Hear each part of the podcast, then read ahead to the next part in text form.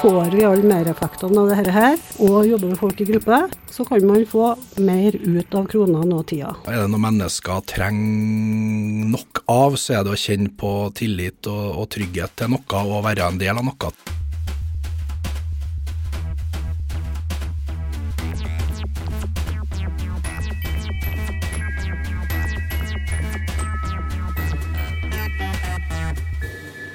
Velkommen til NTNU Samfunnsforsknings egen podkast Forskerpodden, og endelig sesongpremiere. Navnet mitt er Vegard Y. Smevold, og vi tar opp Forskerpodden i studio på Dragvoll i Trondheim. Uten munnbind og sprita overflata. Det er veldig deilig. I dag skal vi snakke om uh, NAPA-konferansen, som i år arrangeres uh, på Prinsen hotell 1. og 2. mars. Og det skjer med folk i salene, og det blir veldig bra og akkurat sånn som det skal være. NAPA er NTNU Samfunnsforsknings eget nasjonale kompetansesenter for psykisk helsearbeid. En eh, meget viktig ressurs for norske kommuner og deres arbeid med psykisk eh, helse. Vi skal straks få besøk av eh, Stian Reinertsen, Sigrid Rode og Frank Lidahl, som alle på hver sin måte bidrar under eh, konferansen. Men la oss først bare høre hvordan det hørtes ut da Kristin Mjåseth Hjertø avslutta den digitale NAPA-konferansen for eh, ett år siden. Da er vi faktisk ved veis ende. Og i løpet av de her to dagene så har vi hørt foredrag om rammer Politikk og kunnskapskilder. Vi har hørt brukerperspektivet og fått innblikk fra virkeligheten i kommunene, og hørt om både utfordringer og gode løsninger i praksisfeltet. I fjor så handla det om å skaffe de utsatte bolig. I år er temaet for konferansen meningsfull hverdag. Hvorfor det, faglig rådgiver i NAPA og programleder for årets konferanse, Stian Reinertsen? Jo, eh, først takk for invitasjonen. Det er hyggelig. Nei, altså, det her er jo et tema som er kjempeviktig. Eh, det er jo et tema vi kunne snakke om i ukevis. Eh, vi kunne hatt et sånt tema på hver konferanse hvert år. Eh, det er jo et tema som opptar alle, uavhengig av om du er en del av kommunalt psykisk helsearbeid. Og så er det jo eh, litt krevende tema, fordi det å være aktiv og sosial er jo en viktig del av det å være menneske og det å vårt hverdagsliv. Eh, samtidig så er det store variasjoner i hvordan folk opplever det betydningsfulle og meningsfulle i sine liv. Og det igjen stiller store krav til kommunene som skal eh, legge til rette for gode betingelser for et godt hverdagsliv for flest mulig, lengst mulig. Så det er egentlig utgangspunktet. Og så håper vi at uh, temaet på en måte skal inspirere flere, flere, kommuner til å på en måte fasilitere noe for møteplasser og treffsteder som skaper sunne og gode lokalmiljø. Mm. NAPA driver jo et uh, stort kompetansearbeid for norske kommuner, som jeg sa. Uh, hvor viktig er denne konferansen i deres arbeid som helhet? Ja, Den er ganske viktig. Den setter jo en sånn tydelig signatur fra vår side, våre satsingsområder. Eh, og Så når vi ut til selvfølgelig våre målgruppe, som er kommunene, og andre aktører som eh, både indirekte og direkte berører psykisk helsefeltet. Og så er det en veldig fin møteplass. Du nevnte at nå er vi samla fysisk igjen, og det er noe, en robusthet i det å møtes fysisk og dele og lære og utvikle sammen med andre. Eh, og så er det noe som vår målgruppe har sett veldig stor pris på det konkrete som NAPA jobber med, og konferansen er jo veldig konkret. Så, så tror vi at vi når ut eh, til veldig mange med dette arrangementet som for oss er ganske kostnadseffektivt og internt. Mm, det blir mingling eh, innimellom eh, foredragene også i år? Eh, det blir mingling, og den uformelle delen er faktisk noe som mange setter stor pris på. For det skaper noen allianser som man ikke får gjennom den digitale overføringen. Mm. Hvordan har det vært å planlegge, da? Eh, det er kanskje ikke så lenge siden dere skjønte at det gikk, gikk, riktig vei? Nei, nå endelig så fikk vi noe litt mer forutsigbarhet. og så ja. Temaet er landa for en stund siden, og så er det liksom å lage skjelettet og få inn de riktige folkene i programmet. Så det er ganske enkelt hvert år. Det er, det er lett å spørre folk, og folk er veldig positive til arrangementet og tematikken og alt. Så det har ikke vært så veldig krevende, egentlig. Det er bare at eh, det er mest eh, jobb for de som står i produksjon, som er kjempedyktige folk hos oss, som sørger for at overføringa digitalt blir best mulig. Mm, for det blir også uh, mulig å følge den digital uh, for dem som ikke kommer seg til Trondheim? Ja, akkurat nå så er vi litt over 100 påmeldt fysisk, og så er det nærmere 300 som er påmeldt digitalt, som ikke har anledning til å møte oss fysisk i Trondheim neste uke. Mm. Vi skal straks få inn eh, Sigrid Rode fra St. Olavs hospital og Frank Lidahl fra Ranheim eh, fotball her i eh, studio for å snakke om deres to bidrag i konferansen. Men før du forlater oss, da, Stian, kan du si litt om hvorfor du bør melde deg på, hvis du ikke ennå har gjort det? Nei, altså, nå er jo Begynner å bli fullt, kanskje? Ja, fysisk er det ganske fullt. Ja. Digitalt digitalt er det fortsatt muligheter, og her er det masse fine folk som kommer med ulike perspektiver på det med meningsfullt hverdagsliv. Det er masse gode kommuner som har god praksis. Det kommer eh, fagfolk som snakker om betydning av eh, gode dagaktiviteter, hvordan det ser ut for de utsatte gruppene i samfunnet vårt. Så, så jeg anbefaler sterkt å få med seg programmet, som er veldig fint og inspirerende. Og så skal du uh, sy det sammen fra scenen? Jeg skal være møteleder i år òg. Det er et kjempeartig oppdrag. Så skal jeg prøve å lose deg i havn på, på beste vis. Da ønsker jeg lykke til med det, Stian. Så snakkes vi i begynnelsen av mars, og så får vi straks Sigrid Rode og etter hvert også Frank Lidahl her i studio. Velkommen til Forskerpodden, Sigrid Rode. Takk. Du er rådgiver i Korus Midt ved St. Olavs hospital. Korus Midt er da det som står for Kompetansesenter Rus Midt-Norge. Hva jobber dere med der, Sigrid? Eh, hovedjobb, hovedjobben vår det er jo å, å bidra til kompetanseutvikling og kompetanse til kommunene, spesialisthelsetjenesten og frivillige innenfor rus og psykisk helse primært. da. Mm. Og så har vi jo et blikk liksom hele livet til folk. Altså helt fra folk uh, ligger i, magen til eldre. Så det er jo Vi jobber jo med hele livsløpet i forhold til hvor vi òg har et ansvar for å bidra med kompetanse. Da. Et stort uh, spekter. Hvorfor er du så opptatt av hvordan uh, rusavhengige har det, Sigrid? Altså, jeg er opptatt uh, av det fordi at jeg starta vel egentlig min karriere på utekontakten i Drammen når jeg var 21 år. Og da våkna jeg jo på en måte og syntes det var spennende folk å jobbe sammen med, og skjønte at ja, her er det jo et stort felt. Eh, og så har jeg jo jobba med rusbehandling ti år i Tromsø, i en veldig spennende behandlingsmodell som da var på 90-tallet over til 2002. Eh, som kanskje er min viktigste skole òg, i forhold til litt det jeg er opptatt av eh, i dag, da. Eh, ja.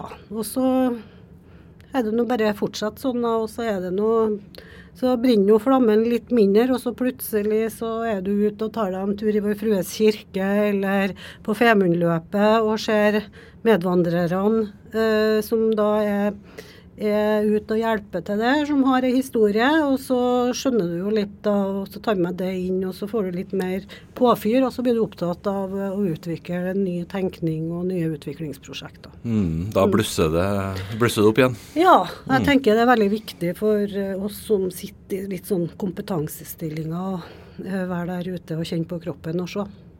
Mm. Ikke sant. Eh, på NAPA-konferansen, som arrangeres 1. og 2. mars, så har du eh, fått den eh, store æren av å avslutte programmet på dag to.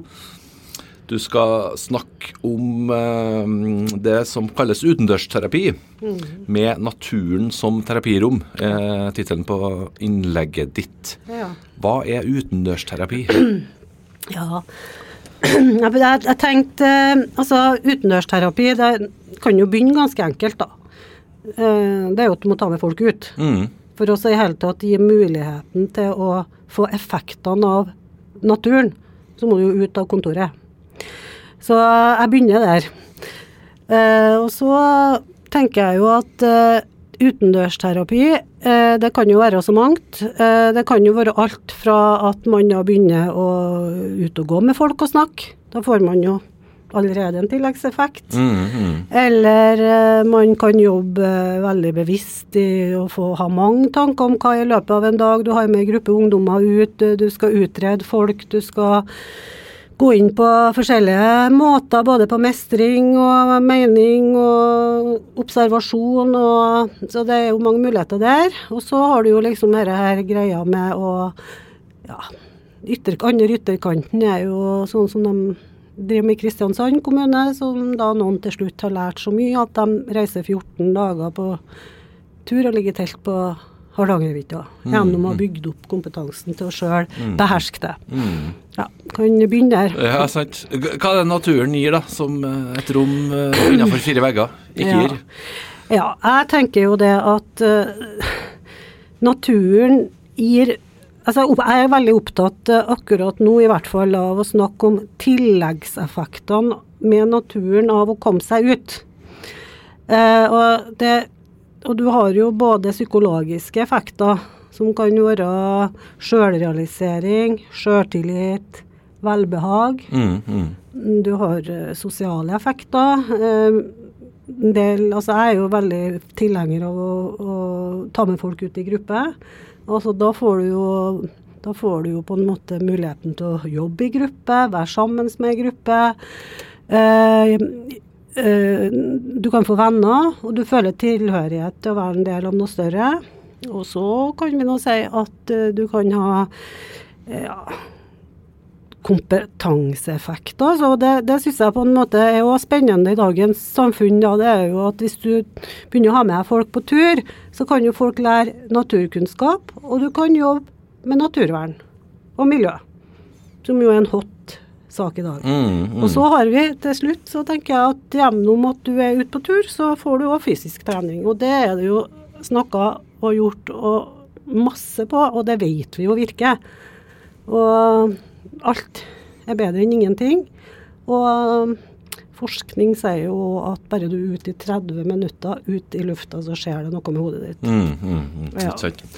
Du jobber med opplæring av eh, folk som skal ta med seg brukergruppa ut Mm. i naturen. Hvor glad er du å være ute i naturen sjøl? Nei, jeg er jo veldig glad i å være ute. Ja. Eh, Jeg er jo født på hytta i Nord-Trøndelag, skulle jeg til å si. Og gått min skole der med fugl og fisk og molt og det som er der. Mm, mm. Så har jeg jo etter hvert som jeg ble eldre, da, så ble det jakt og fuglehund og turer med pulk og overnatting ute og sånn. Og så har jeg jo flytta til Troms når jeg var 30, og da ble jeg opptatt av havet og lyset. Ja, ikke sant. Og, og nå da, når jeg, ungene er store, og så har jeg jo de siste årene øh, valgt å jobbe redusert for å utforske mer i naturen og reise på lengre turer, da, og spesielt i Nord-Norge. Mm. Mm. Og så er det jo ikke noe nytt å dra ut på tur, men uh, det her er et ganske nytt uh, prosjekt for dere i Korus. Mm. Hvorfor satses det på det her uh, akkurat nå og de siste årene? Ja, det er jo egentlig så tenker jeg at jeg har jo vært på På 90-tallet for jeg jo på tur med folk Mm. når jeg jobba i behandling sjøl. Mm. Og så har det liksom kom koronaen, da. Og så måtte vi jo finne på noe nytt. Mm, Og, så, og så hadde jeg vært på studietur, og så fant jeg liksom han eneren i Norge som er både forsker og internasjonalt representant, og så fikk vi han på et webinar. Og da meldte det seg på 220 stykker. Og, da, og hvis du da tenker på hva er det du selger ut, så skjønte vi at her var det jo potensialet. Det er, ikke- det er mange som tror at det her er spennende. Eh, fordi at eh, det satses fordi at vi da skjønte at der ute, til dem vi skal gi tjenester til, så var det fryktelig mange som var motivert på det her. Og da tenker jeg at da er det dem som jobber nærmest folk, og da må vi lytte til dem. Mm, mm. Så fikk vi noen koronapenger, og jeg ringte rundt til aktører, kommuner, spesialisthelsetjeneste. Jeg kunne sikkert ha fått med 50 stykker på to dager i juli når jeg drev og ringte. Så lett var det å rekruttere. Uh, og så kjørte vi liksom kull igjen, da. Uh, som er en sånn seksdagers opplæringspakke, men folk må sette i gang med noe i løpet av perioden rundt i kommunen eller der de er, da. Mm. Så nå vi, skal vi ha siste samling på kull to nå, som jeg kaller det, i eh, nå, eh, dagen ja, 4., 3. og 4. mars. Ja, rett etter eh, Ja. konferansen. Ja. Mm. Og så skal vi selvfølgelig fortsette å ha nettverk, det er viktig å si da. For man må jo liksom holde ting gående. Mm. Hva slags folk er det som er med på de her eh, turene?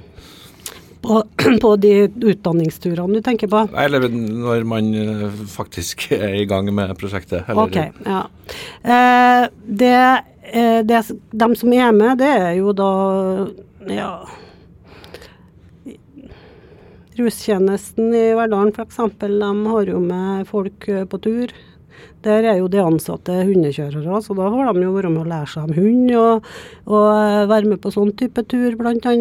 Eh, Og så har du selvfølgelig andre type turer. Røros kommune, de er med på prosjektet nå.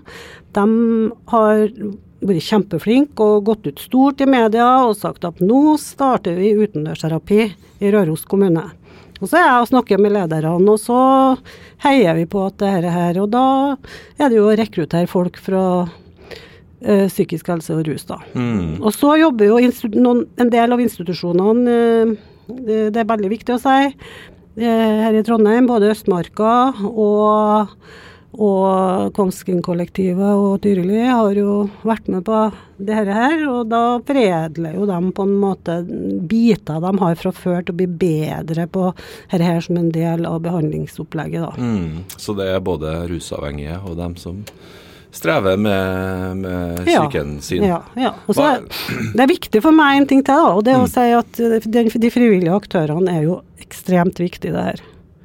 Og eh, vi har jo en gård i Bymarka som liksom blir kjernen og samlingsstedet for mange av de aktørene, hvis du tenker på Trondheimsmodellen. Mm, mm, Og så kan man bygge på med andre frivillige, og da begynner vi å snakke mm, mm. om det jeg tenker da er viktig både innenfor rus og psykisk helse. Mm. Du har vært litt inne på det, men uh, hva vet vi om hva uh, Du har vært litt inne på det, men hva vet vi om hvordan det her virker?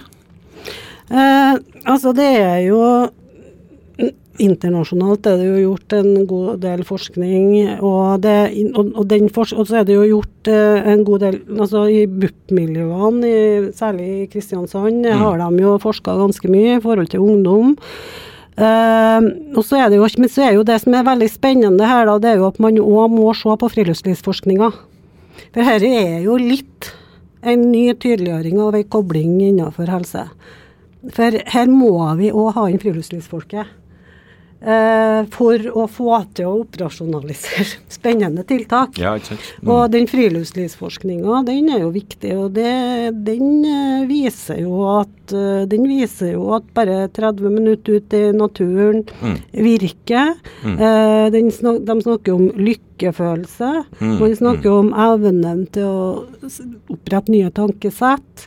Eh, ja, og, og fysisk aktivitet, som jeg sa i stad, det vet vi masse om. Mm, mm. Så, så Nei, det forskes en god del. Så, så, og i tillegg da til erfaringskompetanse, ikke minst på egen kropp, da. Og de fleste du snakker med rundt omkring, hvis de er litt interessert i naturen, så har du egentlig svaret. Mm. Ja, det gjelder oss alle. Psykisk helse har vi alle. Mm, mm. Og det tenker jeg det er veldig Jeg viktig, da. jeg kjenner det sjøl. Eh, det høres ut som at Trøndelag er litt foregangsregion her. Hvordan skal vi få Eh. med resten av landet? Altså Det som er så spennende nå, det er jo at foregangsmiljøet på, i kommunal sektor på gode, til, tydelige tiltak som er differensiert, og forskning og i BUP-miljøene, det ligger jo i Kristiansand.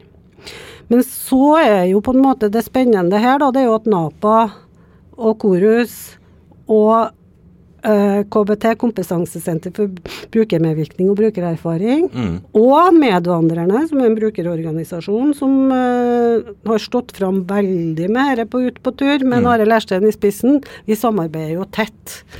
Uh, og da setter jo vi kompetanseheving på kartet.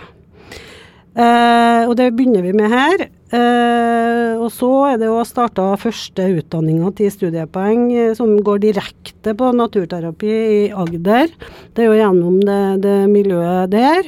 Og så holder Bodø og Nordland og noen sprekke damer der og er med, så nå, skal vi, nå jobber vi òg for å lage en sånn nasjonal forening for utendørsterapi.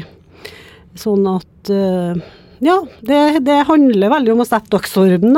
Det er jo ikke noe nytt, men det handler om å profesjonalisere det og aktivere det. og sette det tydelig og skjønne at dette her trenger heller ikke å koste så mye penger. Altså Det er ut fra mitt perspektiv helt et opplagt regnestykke at får vi alle mereffektene av dette her, og jobber med folk i gruppe, mer enn det som gjøres i dag, så kan man få mer ut av kronene og tida. Mm. Det er jeg opptatt av. Høres veldig bra ut. Du skal snakke litt mer om det på Napa-konferansen. Mm. Det blir 2. mars, det da. Vi må ta med en ting eh, til til slutt her, Sigrid. For mm. uh, rett før uh, sending her så fikk du en gjev nominasjon. Uh, årets villmarking, ikke mindre. Intet mindre enn noe. Det virker som du er litt glad i å være ute sjøl, ja. du er nominert eh, sammen med fem andre, eh, mm. og på, på Camp Villmark så står begrunnelsen for det her, Sigrid. Mm. Eh, har du lyst til å høre begrunnelsen en gang til? Ja da, jeg kan gjerne få sitte og høre. ja, ikke sant. Eh, Sigrid bruker store deler av arbeidstida si til å spre kunnskap om friluftsliv og utendørsterapi som metode. Sigrid er opptatt av de gode møtene utenfor behandlingskontoret, og hvordan naturen virker og gir rom for de gode samtalene i en terapeutisk setting. Eh, Sigrid er en foregangsperson innen fagfeltet og samarbeider med viktige aktører for at naturen skal brukes som virkemiddel til å løfte mennesker frem i livet. Mm. Store ord. Stemmer det? Ja, det, nei, det høres bra ut. Og at, uh, at den der skulle gå inn, og at jeg skulle stå på den der lista der. Uh, det er jo kjempebra, fordi at jeg tenker jo at det prosjektet vi har hatt òg sammen med de tunge aktørene av samarbeidet her to årene, det er jo at vi har sagt sett dagsorden, sett dagsorden. Sett dagsorden på det her. Og så får jeg liksom den herre blir jeg nominert inn med det perspektivet. Mm, sant? Mm. Ikke, altså, ære være Lars Monsen og Jens Kvernmo og eventyrerne, og jeg er fascinert av dem.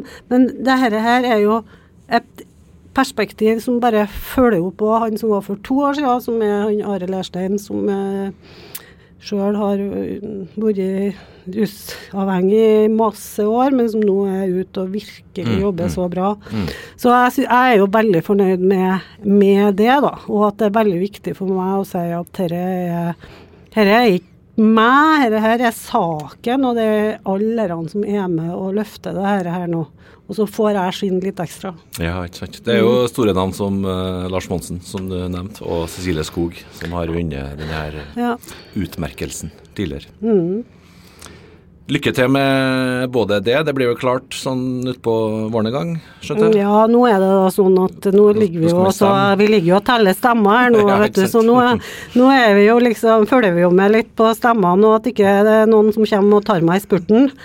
Så, ehm, og så er det en jury på åtte da, som skal avgjøre, så her, her er jo ikke opplagt at jeg får noen pris i hele tatt. Men det er klart at det at jeg òg får så mye stemmer, sier jo noe om den her altså krafta nedant om at dette her syns mange er viktig, og har trua på det i samfunnet i dag. Og særlig kanskje nå etter koronaen òg, da. Mm, nettopp. Det er et uh, godt poeng.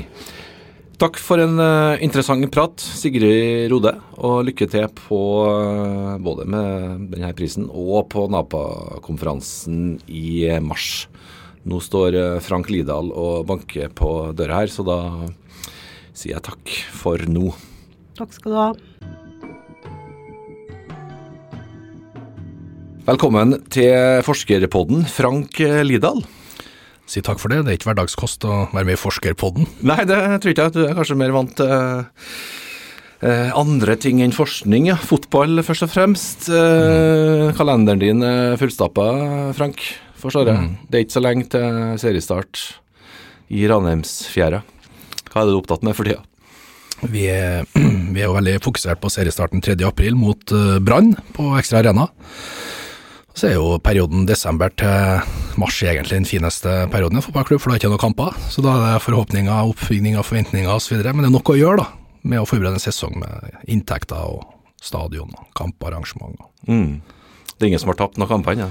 Nei, og alle sammen er i, beste modus, og optimismen gryr og forventninger bygges. Blir det eliteseriefotball i Ranheimsferja igjen i 2023? Vi er jo mindre opptatt av selve resultatene, men mer opptatt av uh, å bygge prestasjonene. Og så utledes resultatene av det. Så det handler jo om vi klarer å utvikle oss og skape gode nok prestasjoner. Uh, og så er det mange gode lag vi konkurrerer mot. Uh, vi skal i hvert fall bli bedre, og så får vi se hva det er med til slutt. Ikke sant. Vi skal jo ikke snakke bare om fotball her i dag, da. Vi skal ikke snakke så mye om fotball i det hele tatt, for vi skal innom det du var så vidt innom der. Du er jo daglig leder i Ranheim, men jeg forstår det sånn at du er også opptatt av de verdiene klubben din assosieres med. Hva er viktigst for deg? Er det suksess på banen, eller er det alt det andre? Svaret på det er veldig enkelt. Det må være en samtidighet til. Vi må utvikle lokalsamfunn og klubb hånd i hånd, og ha med oss folk. For det er ikke noe artig å være god på en bane 11 mot 11 hvis ikke du betyr noe for dem du er til for. Og vi er til for av folket på Ranheim og fotballinteresserte trøndere. Mm. Du skal snakke om det her og de her såkalte identitetsmarkørene i fotballen på Napa-konferansen. Det blir da 2. mars på dag to der.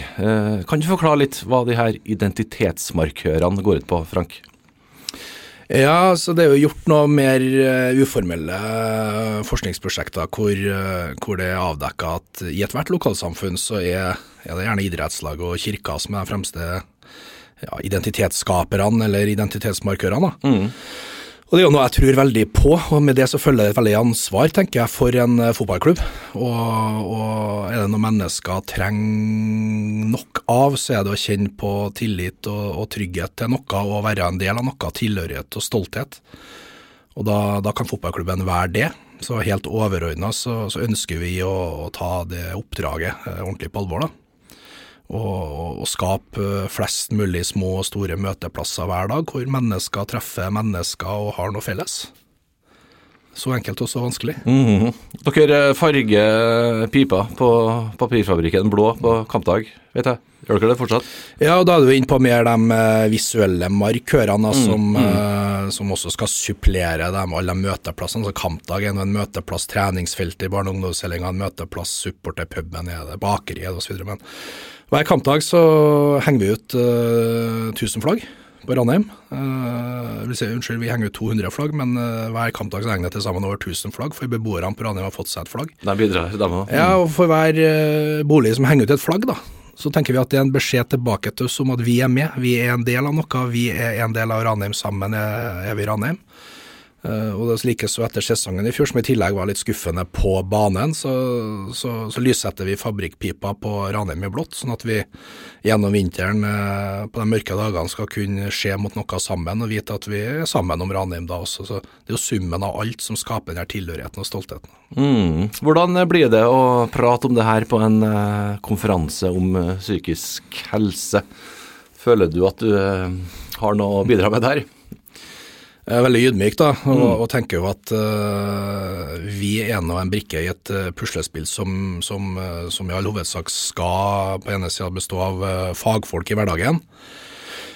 og så er ikke jeg redd for å si at når det kommer til å kunne virke positivt på psykisk helse for folk, så, så er nå hver fotballklubb eller idrettslag da, som jeg sa innledningsvis er i stand til å virkelig bety noe, men det avhenger av graden av hvor alvorlig du tar det oppdraget.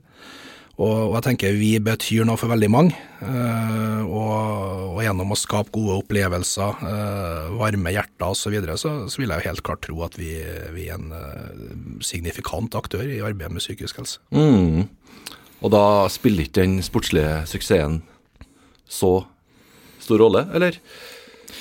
Du kan kanskje ikke tape over tid? Nei, altså det, men, men, det er noe med det jeg har sagt hele tida, at, at, min, min visjon ikke, ikke, for at jeg vil noe annet enn å vinne kamper, men, men, man må bygge en fotballklubb som står seg like sterkt om du taper kamper.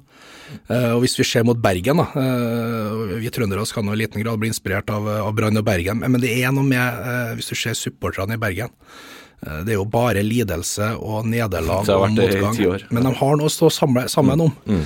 Eh, så for vår del, så vi skal stå av nederlag, vi. Eh, og så blir det jo noe ekstra gøy når vi vinner. Jeg, jeg bruker å spasere forbi Romantika tilbake til, til hybelen etter hjemmekampene, og jeg tar alltid turen innom, og der sitter noen 30-40 stykker etter hver kamp. og klart, eh, Kan ikke bare stikke innom når det er seier og jubelen er høy.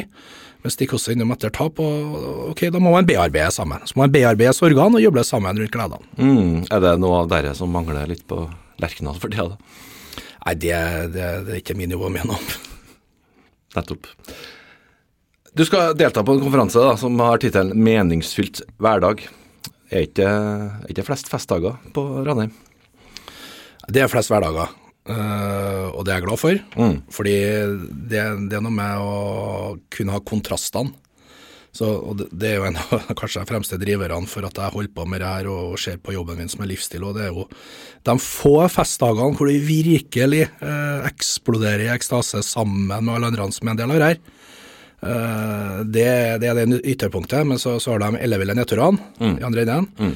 Og så må vi omfavne hverdagene, og det er der de store verdiene skapes, hvor vi i møte med hverandre eh, bygger en klubb og et lokalsamfunn som vi er stolt av, og som eh, er med på å gi en meningsfylt hverdag. For det, det er det det her handler om, at idrettslaget og klubben skal bidra til en meningsfylt hverdag. Kjempefint. Da gleder vi oss til å høre på deg og alle de andre foredragsholderne 1. og 2. mars, Frank. Jeg gleder meg òg. Da takker jeg for besøket, og takker samtidig til Stian Reinertsen og Sigrid Rode, som også har vært med oss i dag. Du har hørt på Forskerpoddens aller første episode i 2022. Forskerpodden er NTNU Samfunnsforsknings egen podkast. Navnet mitt er Vegard Y. Og vi høres igjen neste gang. Ha det bra.